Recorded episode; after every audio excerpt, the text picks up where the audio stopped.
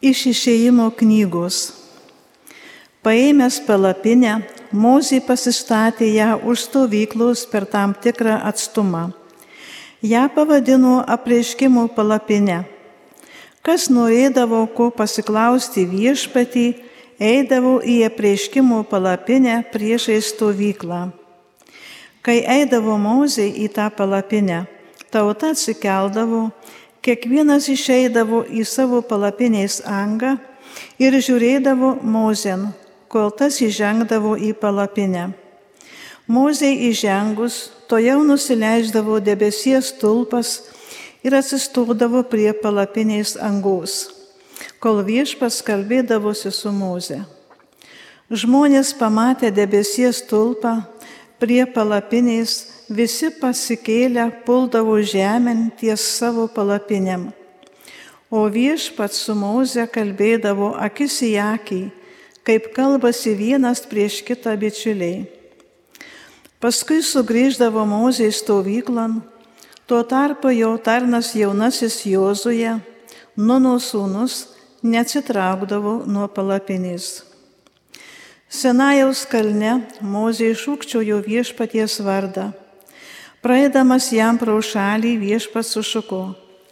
Jakvė viešpats yra palankus ir atjaučiantis Dievas, kantrus, maloningas, ištikimas. Jis tikinčiuosiams rodo malonę, dovanoja kaltę, nusižengimą, nuodėmę, tačiau nepalieka visai nenubaudęs. Už tėvų kaltybės atmoka vaikams ir vaikajamčiams iki trečiai ir ketvirtai kartai. Nedelsdamas Mozė parpuolė ant žemės ir kniupšės ėmė maldauti. Jei aš viešpatie randu pas tave malonę, tegu mano viešpats kartu su mumis keliauja. Tiesa, tai tauta kitas sprendai, tačiau dovanok mums kaltybę, tą nuodėmę ir leisk mums būti tava nuosavybė. Tenai pas viešpatį Mozė išbuvo 40 dienų ir 40 naktų. Nevalgė jis duonos, negėrė vandens, surašė ant plokščių sandarų žodžius, tuos dešimt įsakymų. Tai Dievo žodis. Dėkojame Viešpač švelnus maloningas.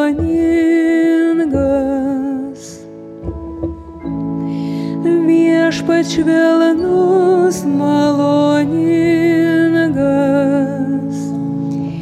Viešpats pasaulyje vykdo teisybę, gina visus prispaustuosius savo sumanimus jis mozėje preiškė, jo darbus didžius Izraelis regėjo. Viešpat švelnus maloningas, viešpat švelnus maloningas neskuba rūstauti yra pilnas gerumo, ne visą laiką jis baras, nemžinai jis iširdęs. Viešpač vėlanus maloningas, pagal mūsų kaltybės mums moka, nebaudžia mūsų kiek verti esam, kaip nepasiekiamai aukštas dangus viršum žemės. Taip yra didis jo gailestingumas tiems, kurie jo šventai bijo. Viešpač vėlanus maloningas, kaip nuo rytų tolimi vakarai, taip toli kaltės mūsų nusviedžia, kaip tėvas gailisi vaiko taip gailis viešpats ištikimųjų.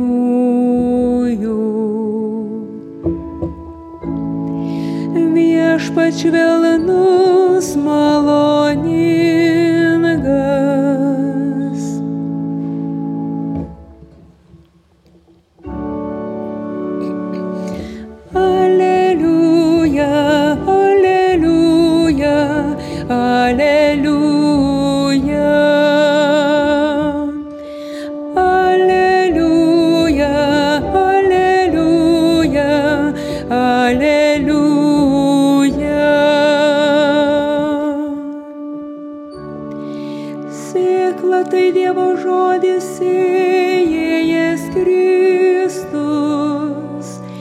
Kas jį susiranda bus gyvas per amžius. Aleliuja, aleliuja, aleliuja.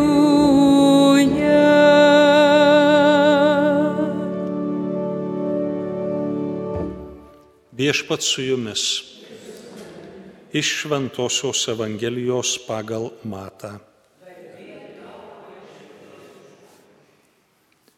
Paleidęs mines Jėzus keliavo namo. Prie jo priejo mokiniai ir prašė.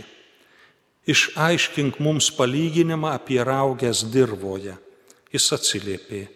Sėjantysis gerą sėklą yra žmogaus sūnus. Dirba tai pasaulis. Gera sėkla karalystės vaikai, o raugės piktojo vaikai. Jas pasėjęs priešas velnes. Pjūtis tai pasaulio pabaiga, o pjovėjai angelai. Taigi, kaip surenkamos ir sudeginamos raugės, taip bus ir pasaulio pabaigoje. Žmogaus sūnus išsiūs savo angelus, tie išrankios iš jo karalystės visus papiktintojus bei nedorėlius ir įmes juos į žiauruojančią krosnį. Ten bus verksmas ir dantų griežimas. Tuomet teisėjai spindės kaip saulė savo tėvo karalystėje. Kas turi ausis, te klauso. Girdėjote viešpaties žodį.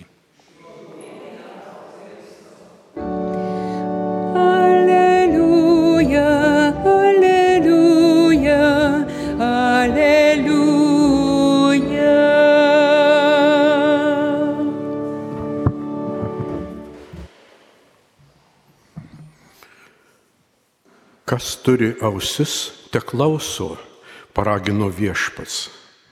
Paragino išgirsti ar apmastyti šitą palyginimo išaiškinimą. Apie gerą sėklą, apie dirvą, apie raugės. Praeitose savaitėse ne vieną kartą girdėjome Evangelijos ištraukose. Tai labai svarbu mums tą išgirsti, suprasti ir širdimi priimti. Priešas ateina ir pasėja į gerą dirvą, kurioje turėtų subręsti gera sėkla, pasėja raugių. Kaip tai vyksta? Kas tas priešas? Bandykime mąstyti taip. Štai melžiamės ir prašome, kasdienis mūsų duonus duok mums šiandien. Tai reiškia, duok mums duonos tiek, kad šiandienai užtektų, nu gal rytdienai kokią riekelę pasilikti. Bet ateina neprietelis ir pasėja raugės sėklą ir sako, žmogau, o kodėl tik tai šiandien, kodėl taip mažai, prašyk daugiau. O jeigu neduos, tai pats pasiimk, taip gyvenk, kad turėtum visko perteklių, tos duonos perteklių gausybę turėtumai. Fiodoras Dostojevskis rašė, žmonės šituo pagundimu susižavi ir galvoja, štai sukursim gerą būtį, kurioje netruks nei duonos, nei gerybių. Turėsime visko sočiai, gyvensime laimingi. Ir staiga tie žmonės apsižiūri, kad kažkas iš jų atėmė dvasios laisvę, atėmė valią pasirinkti ir apsispręsti, atėmė asmenybės unikalumo žavesį.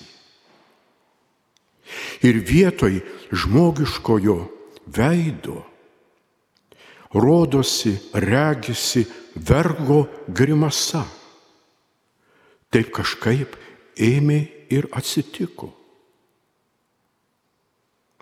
O kai šitaip atsitinka, tuomet įsigalėja žmonių elgsenoje cinizmas, įsigalėja arogancija, įsigalėja abejingumas. Tai prašė Dostojevskis. Iš ties baisus dalykai - cinizmas. Žmogus galvoja, kad jisai laisvas, nors iš jo ta laisvė atimta, jis galvoja, jog laisvas išjuokti tai, kas šimtmečiais buvo gerbiama ir buvo laikoma vertybėmis. Žmogus apgulingai galvoja, jog jis yra pasaulio centras, nes jis gali viską išjuokti ir nustatyti, kuri vertybė yra vertybė. Ir kuomet pasijunta pasaulio centru, tuomet žmogus tampa abejingas. Abejingas kitam žmogui. Abejingas kito žmogus skausmui. Abejingas kito žmogaus vargui. Abejingas viskam, kas nėra jis. Nes jis yra pasaulio centras. Dostojevskis rašo toliau. Kuomet žmogus patenka į vergo būseną, galvodamas, jog jis yra visatos karalius, neišvengiamai anksčiau ar vėliau žmogų aplanko nuobodulys ir ilgesys. Nes tai, kuo galvojo, kad išpuoš savo gyvenimą, praturtins savo būtį, visi šitie apčiopimieji dalykai, jie greitai nusibosta, norisi dar kažko, norisi dar kažko ir užeina ilgesys. Žmogus jau nebežino, tiesą sakant, ko jis nori, bet jisai žino, jis jaučia, kad jis nelaimingas. Gal net nežino, tik jaučia, kad jis nelaimingas, jis jaučiasi blogai. Ir tuomet atsiranda pati didžioji bėda - kyla agresija. Tuomet žmogus noriu žudyti ir ateityje suras būdų, kaip galima žudyti tūkstančių tūkstančius. Šitie dalykai buvo užrašyti be maž prieš 130 metų, bet kaip jie skamba šiuo laikiškai.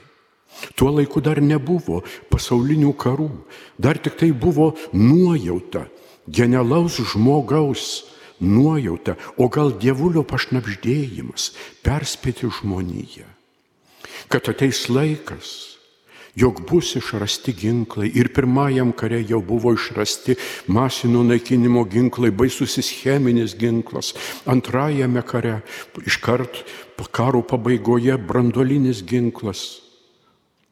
Milijonai, milijonai žuvo ir žuvo. Kaip ironiškai skamba Heinis odė džiaugsmui. Eilėraštis, kurį Liudvikas Betovenas pasirinko devintosios simfonijos finalui. Odė džiaugsmui, odė humanizmui, susijunkit milijonai, susijunkit milijonai meilėje, prieš Dievo sostą. Deja, deja, sunaikinti milijonų milijonai. Ir šiandien tebesitęsia karas. Mes jau užsikratę tuo abejingumu. Net nenorime pripažinti, bet karas vyksta, žūsta žmonės ir dar nežinia, į kiek jisai išsiplės. Kodėl šitaip atsitiko? Kodėl šitaip atsitiko? Regis, kuomet XIX amžiuje vyko pramonės revoliucija, kuomet atsirado gamyba, kuomet suklestėjo ekonomika, iš ties atrodė, pagaminsime daug duonos, būsime sotus. Ironiškai skamba sotus, laimingi, šiltai aprengti, kaip mokė sovietinėje mokykloje vaikučius.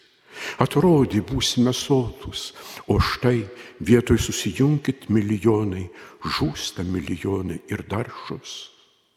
Kodėl?